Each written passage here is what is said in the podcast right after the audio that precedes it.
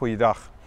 Um, ik wil wat met jullie delen wat grote impact heeft gehad op mijn leven.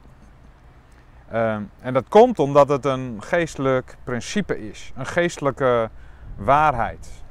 En die geestelijke waarheid die geldt niet alleen voor mij, die geldt voor iedereen die dit principe toepast in zijn leven. En het principe is: geven is zegen.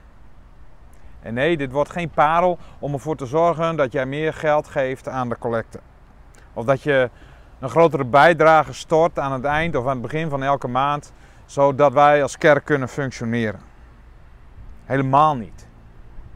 Want als we zo naar geven kijken, dan is het eigenlijk wel heel beperkt als dat alleen ons geld zou zijn. Het is maar een onderdeeltje van ons geld, van ons hele leven.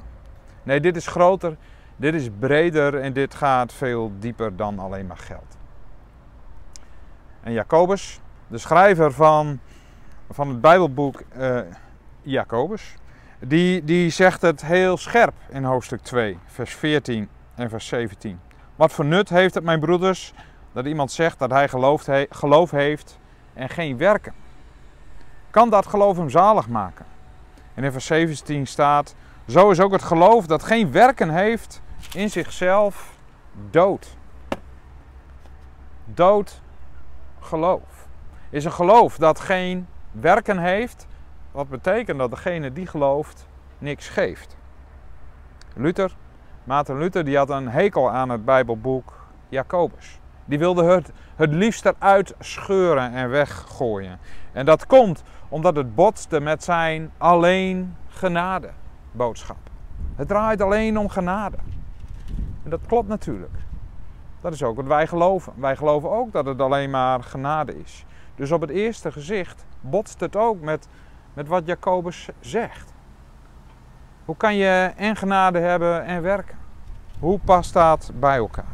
Wij kunnen immers niks, niks toevoegen aan dat offer van Jezus Christus. Dat geloven, dat brengt toch redding, toch niet hoeveel ik doe en wat ik geef en hoe ik daarmee bezig ben. Hoe krijgen we deze twee in overeenstemming met elkaar? Weet je, ik geloof dat als het in dit leven alleen maar zou gaan om die redding, om die verlossing, om die vergeving van zonde, dan, dan zou je een punt hebben. Maar dat is niet ons eindpunt. Het eindpunt is niet het kruis. Het kruis is niet daar op de dag dat wij sterven en dat dan het enige moment is dat het kruis belangrijk is voor ons leven. Ik geloof dat het kruis ook vandaag de dag belangrijk is als startpunt in mijn leven. Het bepaalt hoe ik mijn leven indeel.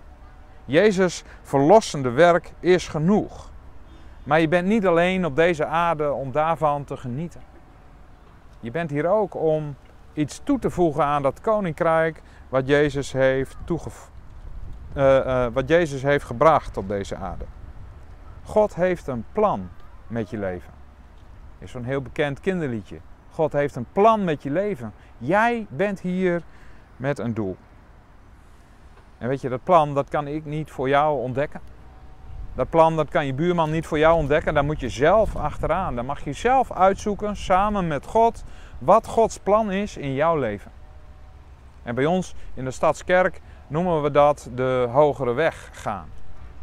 De hogere weg dan, dan alles wat we kunnen zien hier op aarde. Er is iets meer, er is een hogere weg. En ik wil ontdekken wat die weg is. En daar mag je dan uit gaan leven als je dat gaat ontdekken. Het moment van tot geloof komen is immers zeggen tegen God: ja, niet ik. Niet mijn wil, maar uw wil in mijn leven. Die regeert.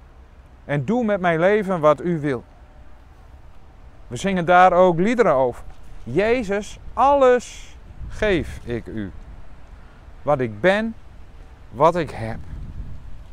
En dan even terugkomend op geld. Alles geef ik u.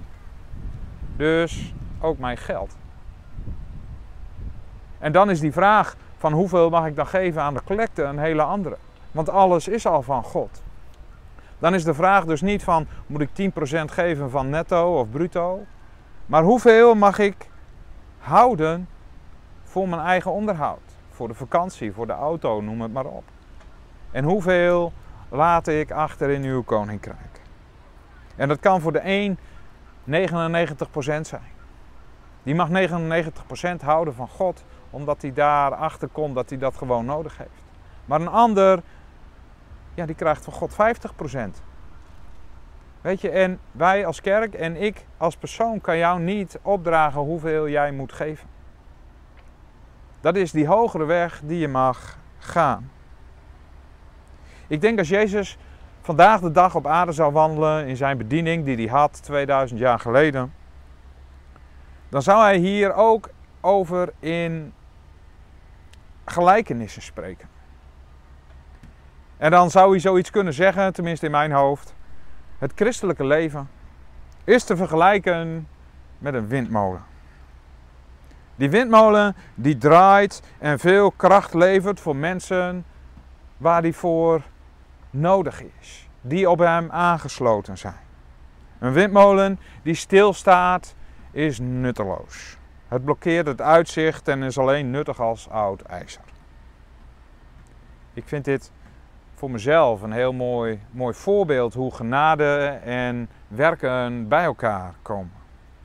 Want die windmolen die draait natuurlijk helemaal niet uit zichzelf. Als er geen wind is, dan staat die windmolen stil en komt er ook geen werken uit, komt er geen kracht uit waar andere mensen iets aan hebben. Nee, die windmolen die levert alleen iets als hij gericht is op de wind. En als de rem eraf is, als de wil er is, wil er is om te draaien, de rem eraf, gericht op Jezus, dan gaat die windmolen draaien en ontstaat daar die kracht. Ontstaat daar dat geven waardoor anderen gezegend worden, maar die windmolen tot zijn doel komt. Dus als wij gericht zijn op Jezus en we laten de Heilige Geest werken en we zijn gehoorzaam aan dat wat komt, dan zijn we bezig met werken die God voor ons klaar heeft liggen. Maar een windmolen die stilstaat, ik weet niet of je er wel eens op hebt gelet, maar die staat ook meestal met zijn rug naar de wind toe en de rem staat er vol op. Niet gericht op Jezus, niet gericht op wat de geest van ons vraagt en wil. Ja, dat is natuurlijk een nutteloze windmolen. Want die doet niet waar hij voor geroepen is. Hij doet niet waar hij voor geroepen is. Dus als je een stilstaande windmolen ziet, dan mag je denken aan het geloof zonder werken is dood. Uit onszelf kunnen wij het niet. We hebben Gods geest nodig om in beweging te komen, maar daarna kunnen we geven. En dat wat we geven, dat levert zoveel zegen op. Niet alleen voor de mensen om ons heen, maar ook voor onszelf. Als je nou kijkt naar het leven van Jezus, dan zien wij dat Hij alles gaf, tot zijn leven aan toe. Maar wat een zegen heeft dat gegeven voor miljarden mensen. Miljarden mensen zijn bevrijd van zonde, zijn uit de slavernij getrokken. Allemaal zegen omdat Jezus zijn leven gaf. Omdat Hij gaf. Meer dan alleen maar zijn tiende.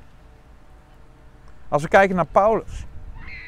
Paulus geeft alles in zijn leven en als gevolg daarvan ontstaat de christelijke kerk in Europa en is het een olievlek in, in, het, in het hele Midden-Oosten die zich uitspreidt.